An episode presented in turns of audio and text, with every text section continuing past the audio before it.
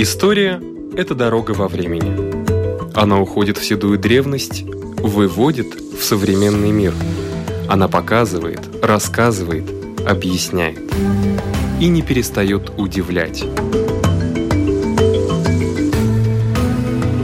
Живая история.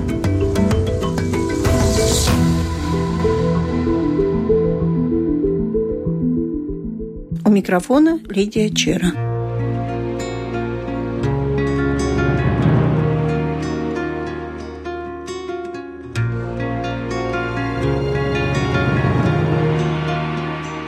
Здравствуйте! Сегодня в передаче.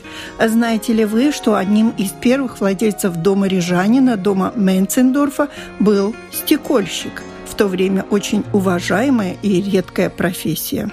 Мы услышим рассказ о виртуозе, дизайнере стекольного дела, профессоре Академии художеств, уже нашего современнике Арнольде Вилберге. Книгу о нем недавно представила заведующая музеем Менцендорфа Илона Аудера.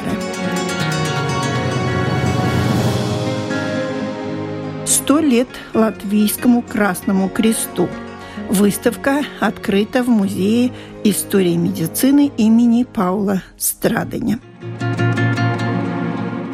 И еще раз о народном костюме, уже с точки зрения реликвии.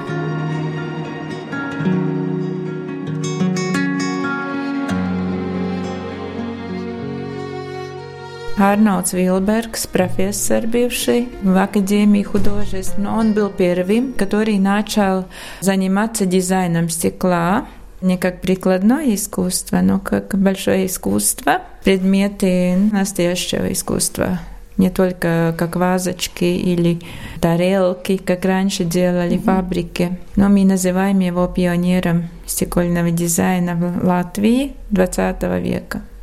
Годы его жизни? Ну, ему будет 2 января в следующем году 85. Он еще что-то творит.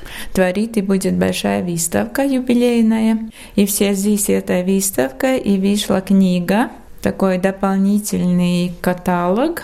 Там будут не только работы, которые будут выставлены на выставке, которые уже зашли в золотом фонде музея, но там самая ценная фотографии интерьеров, которых больше нет в Латвии. Например? Ну, например, кафе Сейните, которое все знали раньше, да. Ленинград, кафе кино Палладиум. Но это что, это лампы или да. это стекла? Это освещение и декоративные стекла тоже. Почти все связаны с освещением, но таким декоративным. Неужели вот все, что погибло, просто раздавлено ногами? Или все-таки где-то оно сохраняется? Жаль, что почти ничего не сохранилось от этих интерьеров.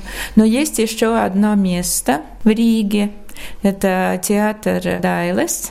Там есть освещение еще Арнолда Вилберга на втором этаже. Называется Дреллис. Орнамент ляных кайдвилс. Полотенце. Полотенце в Латвии. Но тот еще сохранился. Не знаем, будет еще долго или нет. А где учился профессор Вилбергс? Он учился в Риге, в академии, но он был первым, который учился в Чехословакии. Но, но это столица, по-моему, стекольщиков. Да, в Праге. И оттуда и возникла первая идея, что надо отделение дизайна стекла организовать и в Риге, в академии. Он считается основателем этого дела в Академии. У него есть ученики? Есть наши сегодняшние все витражисты, все дизайнеры стекла. Например, Анда Мункевица, в которой мастерской делали последний витраж знаменитый для Домского собора. Это стекла, которые ну, новые, да, сейчас да? все здесь юбилеем Латвии, которые сделали. Она ученица Вилберга, и все наши преподаватели, и даже художница, которая работает в нашей мастерской в доме Менцендорфа, Илза Дудиня, тоже его ученица. Вам не кажется, что старинные витражи, они более блеклые, или это от времени, или тогда выбирали более такие тона приглушенные, а вот эти витражи современные, они более яркие? Потому что есть новые технологические методы, краски. Раньше Другие, такие да. другие были. И все делали руками раньше. Теперь не только ручное дело это. То есть станки Да. какие-то есть? Трудно рассказывать, надо видеть, но в основном все витражисты покупают уже готовые стекла в наши дни. Они покупают и в Германии, и в Чехословакии. Уже Э, крашеные? или- Уже готовые стекла, они только потом Режут форму придают, режут. Но раньше, давным-давно, все делали сами из стекла. Все стекла. Начиная с, Да, все. с песка, да? Да, и там они искали, откуда привезти самый лучший песок. Они отличались, потому что география и песок отличался. А теперь люди посмотрят в интернете, те самые выгодные и красивые, оттуда и покупают. Но они почти одинаковые все. В Латвии тоже делали, когда был комбинат Максла, они тоже делали на месте здесь, но уже тогда брянских очень много купили. Завозили уже в Латвию. А сейчас из Германии, из Чехии, да? Да, и даже из Америки. Я знаю, что некоторые покупают. Но в основном из Германии. И Арнольд Вилбергс, и витражист, и дизайнер. И он не только стеклом занимался, у него есть подставка для монетов. В каждой да. банке была в Латвии, в магазине каждом. Там есть и биография немножко, Ваши семейные книги, да. фотографии. И почти все вещи, которые подарены музеям. Нашему музею и музею прикладного искусства. Ваш музей в запасниках или в постоянной экспозиции есть Постоянно работы? есть.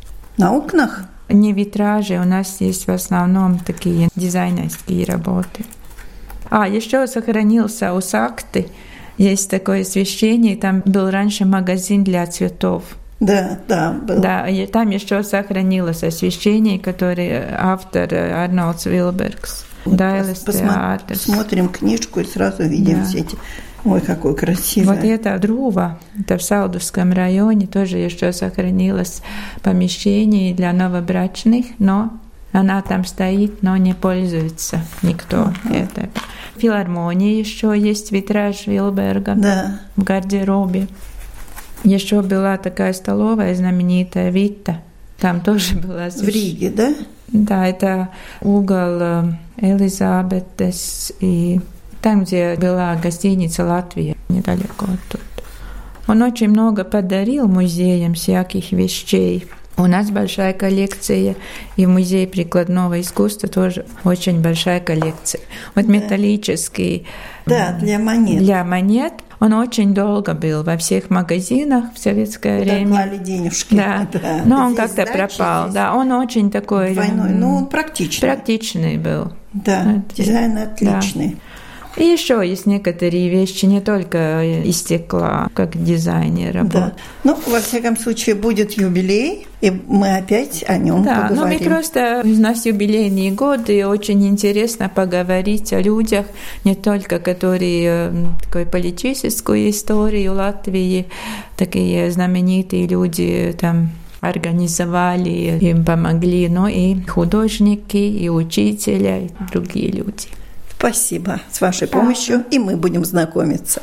У нашего микрофона была заведующая музеем дома Рижанина, домом Менцендорфа Илона Аудере.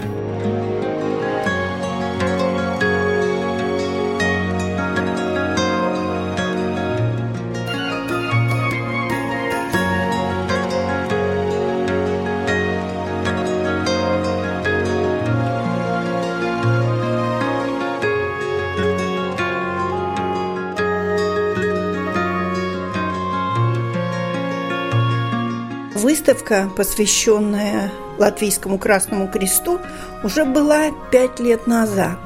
В этом году Красному Кресту исполнилось сто лет. И в тот раз пять лет назад. И эта выставка автором является историк Мартинч Весперис. Выставка открыта в Музее истории медицины имени Паула Страдыня. Во-первых, эта выставка посвящена латвийскому государству, потому что государству сто лет, и Латвийский Красный Крест – это первая общественная организация, которая создана после независимости 1918 года 20 ноября. И разница в той выставке пять лет назад, если там главным образом хотелось показать вообще развитие Красного Креста, какие учреждения были, какие функции исполняли за тот период, за 95 лет, то сегодня хотелось выставку показать немножко с другой стороны, показать через людей – через тех, которые руководят или работали в Красном Кресте, потому что мы же знаем, государство без людей – это не государство, также и общественные организации. За названием стоит всегда люди, которые э, держат уровень и функционирует эта организация благодаря не им и тем, которым она нужна. Можно сказать, что до 20 ноября 2018 года Красный Крест все-таки уже существовал, а 20 просто произошло переименование этой организации. Конечно, просто так из голубого неба она не упала, да, на пустом месте не появилась. Корни происходят уже от Российского Красного Креста. В 1918 году профессор-хирург Янис Янковскис уже летом основал в ЦЕСе санаторию для освобожденных бывших российских солдат, которым нужда была медицинская помощь или какая-то другая нужда. Но почему 20 ноября основали? Потому что Международный Красный Крест есть такой закон о том, что организация может быть только в независимом государстве. До того латвийское государство не было, и в результате этого Красный Крест не может быть таким. И только когда есть независимое государство, тогда может быть и сразу региональное такое отделение, как Латвийский Красный Крест. И эта проблема очень ярко появляется уже во время Второй мировой войны и после Второй мировой войны так как в 1940 году Латвийский Красный Крест, так же как государство было включено в Советский Союз, также Красный Крест был включен в Советский Красный Крест и полумесяц организации. И Латвийский Красный Крест такой, какой он больше не функционирует, исчезает. Во время немецкой оккупации Латвии не было дозволено восстановить Латвийский Красный Крест, так как Латвия как государство не существовало и вместо ее было создано общество «Народная помощь». А после Второй мировой войны уже в эмиграции сначала Германии бывшие сотрудники Красного Креста основали Латвийский Красный Крест, но он никогда официально не считался. Конечно, они огромное дело сделали, собирали данные о беженцах всей Германии, потом уже по всему миру, когда беженцы начинали уезжать в Австралию, Америку, Канаду и так далее. Также они собирали информацию о оставшейся здесь в Латвии, насколько им это было возможно сведения, где там родственники друг другу писали письма, упоминали каких-то людей, сразу эти письма посылали Красному Кресту, чтобы он мог опять дать информацию тем, которые ищут своих родственников в Латвии или которые были репрессированы и так далее. Но Латвийский Красный Крест опять как организация была восстановлена только в 1991 году, после того, как Латвия опять получила независимость. Если говорить о времени первой независимости Латвии, все, что касается санаториев и оказания помощи, это все подразумевает под собой какие-то финансы. Красный Крест, откуда он брал свои финансы? Ну, здесь в выставке очень хорошо. Мы здесь стоим рядом с витриной. Вы можете видеть игровые карты, также да. лотерейные билеты. И в 1919, 20, 21 году государство не могло позаботиться о своих людей, потому что медицинская система была разрушена, государство молодое, и э, уже очень трудно было экономически ей стать на ноги.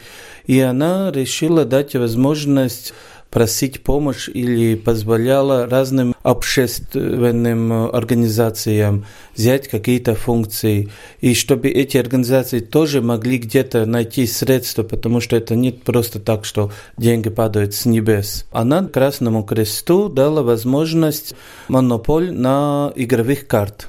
И все первый независимый период только Латвийский Красный Крест мог издать и продавать игральные карты.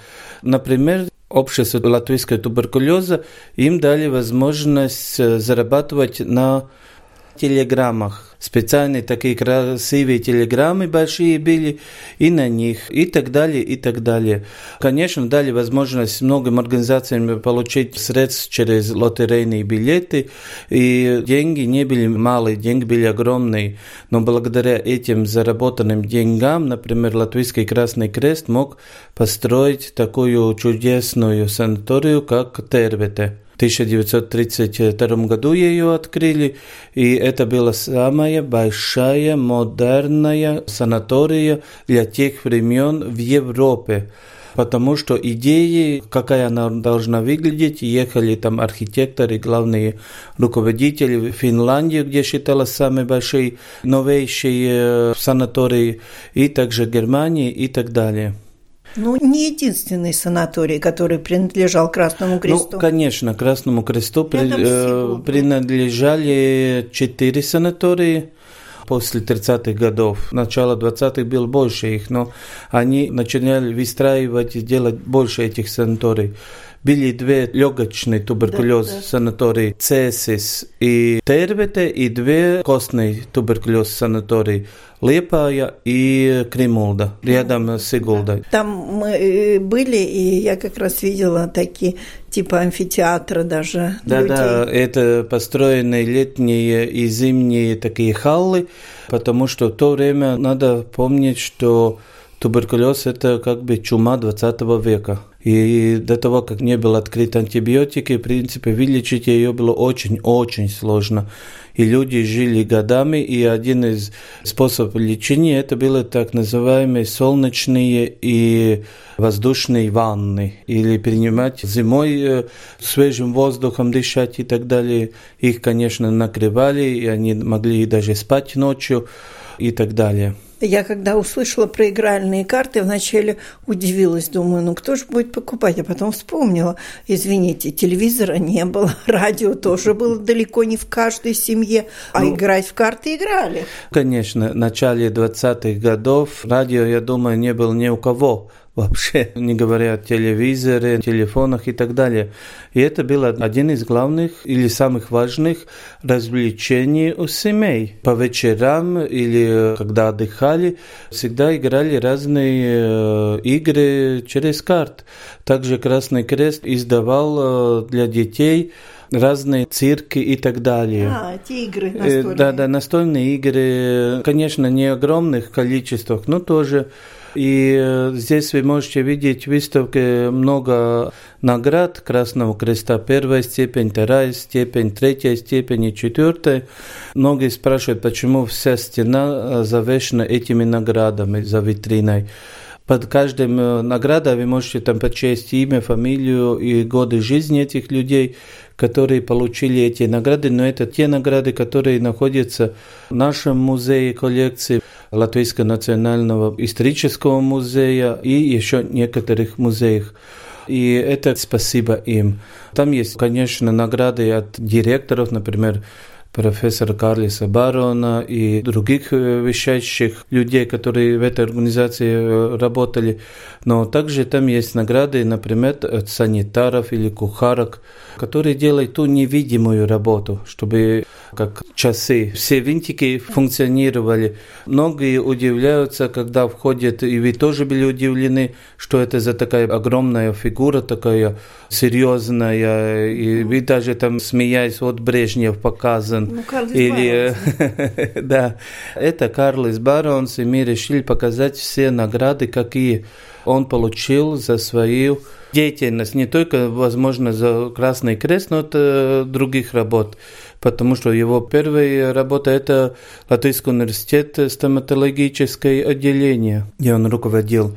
Там дальше мы можем увидеть зал, который немножко посвящен Красному Кресту советского времени, И здесь вы можете видеть, мы так немножко импровизировали или реконструировали, как выглядел донорская одежда или человек, который пришел сдать кровь. Но это уже в Риге, в регионах такие одежды не было. И в конце вы можете увидеть очень такой большой, тоже сделан такой планшет с фотографиями, где в 2007 году когда Гунтис Белевич дал средства, чтобы восстановить награды Красного Креста.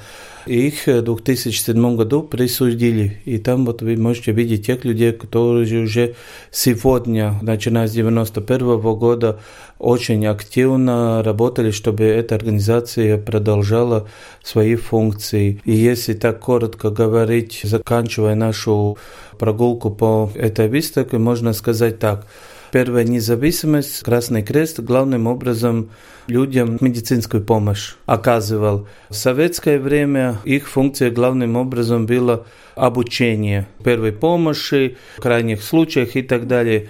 А сегодня у Красного Креста есть уже другая функция, это социальная функция. У них очень много социальных заведений, приютов, ночных приютов и так далее, и так далее. Вы не сказали, что Карлос Баронс является единственным сыном отца латвийских дайн? Да, Карлос Кришена Барона сын, но надо сказать, что Карлосе Барона уже была э, посвящена целая выставка в 2015 году.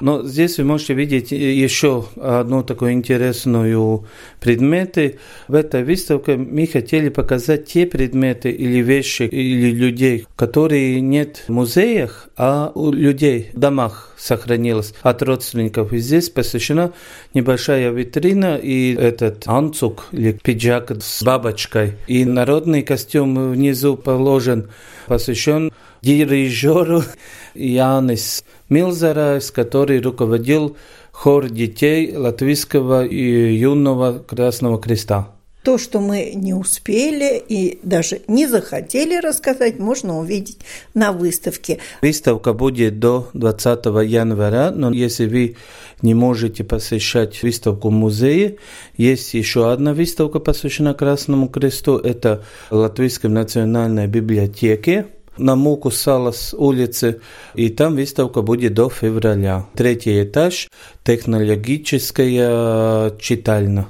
О выставке рассказывал автор ее, историк Мартинч Весперис.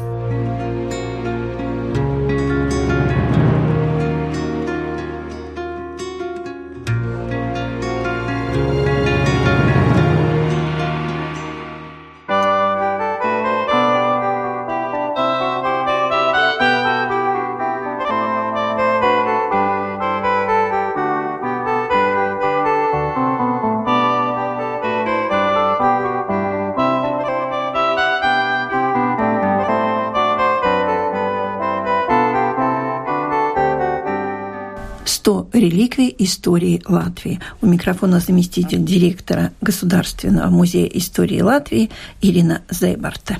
Сегодня тема всем известная, а может быть еще и не так хорошо известная, потому что мы очень часто думаем, что есть такие темы, о которых мы будто знаем все. Но когда мы начинаем распознавать, узнавать, пробовать отвечать на вопросы, оказывается, что мы часто за свои знания принимаем какой-то стереотип. То есть, например, сегодняшняя тема, сегодняшняя реликвия э, – национальный костюм латышского народа кажется, знаем все. С одной стороны. С другой стороны, я не побоюсь быть снобом, но скажу так, что на территории Латвии и сегодня специалистов, которые могут точно сказать, что о национальном костюме мы знаем все, очень-очень мало. Ну, наверное, даже нет такого человека, ну, который все Несколько. знает. На, может быть, на Лучше пальцах одной руки знаем, да. мы можем сосчитать, потому что костюм национальный, он очень разный и поэтому он очень сложный. Но, наверное, надо начать, почему это реликвия. Тут, наверное, не надо ни доказывать, ни аргументировать. Национальный костюм – это лицо каждого народа, каждой национальности, по которой еще несколько сотен лет назад люди распознавали друг друга, потому что одевал человек, что носил человек, какие украшения на нем были, какого цвета была одна или другая деталь одежды, люди друг друга распознавали. Потому как и в чем и почему на нем что-то одето, мы отвечаем сегодня на вопросы истории. Например, то время, от которого текстилии до наших времен не дошли, не сохранились просто, мы определяем принадлежность человека к одной или другой народности по украшениям, потому что они металлические, из неорганического материала, им они сохранились. А органические материалы, то есть текстилии, они не так много сохранились по двум причинам. Одна причина потому, что органический материал, он просто подвержен очень многим факторам наружным, которые могут его уничтожить. Это любой фактор.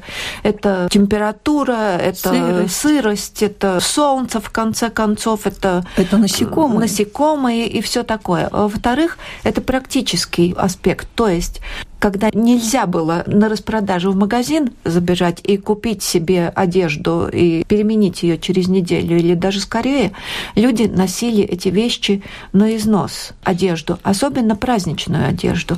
А национальный костюм, о котором мы сегодня говорим, это и у латышского народа, и у любого другого народа.